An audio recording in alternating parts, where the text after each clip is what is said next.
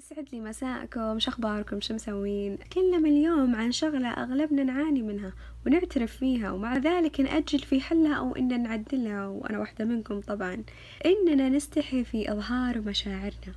ما عندنا هالثقافة أبدا. صعب إننا نعبر ونتكلم ونقول كذا يعني لازم أحد فينا يمرض عشان إحنا نظهر الاهتمام والحب ونحسس الشخص المقابل إنه فعلا أنت مهم. مع إن عمر المشاعر ما تقلل من قيمة صاحبها رسول الله التجأ إلى خديجة رضي الله عنها في حادثة الإسراء والمعراج. قال لها زمليني دثريني. لم يخجل من هذه المشاعر وهو قائد هذه الأم.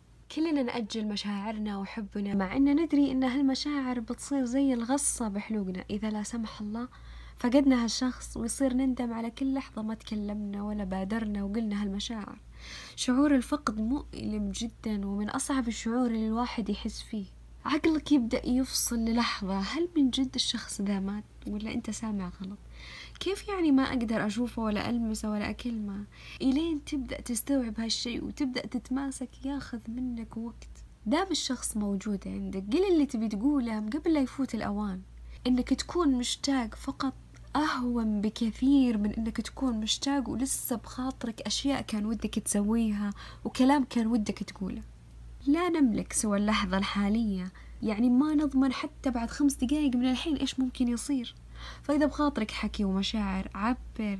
إذا تبي تشكر اللي حولك على وجودهم ووقفاتهم معاك عبر لهم. وصل كل شيء تبي تقوله. وصل كل شيء بداخلك من مشاعر بوقته. لا تأجل. باختصار شديد لأن طول ما مشاعرك في قلبك ما لها قيمة عند الشخص المقابل لأنها لم تظهر له.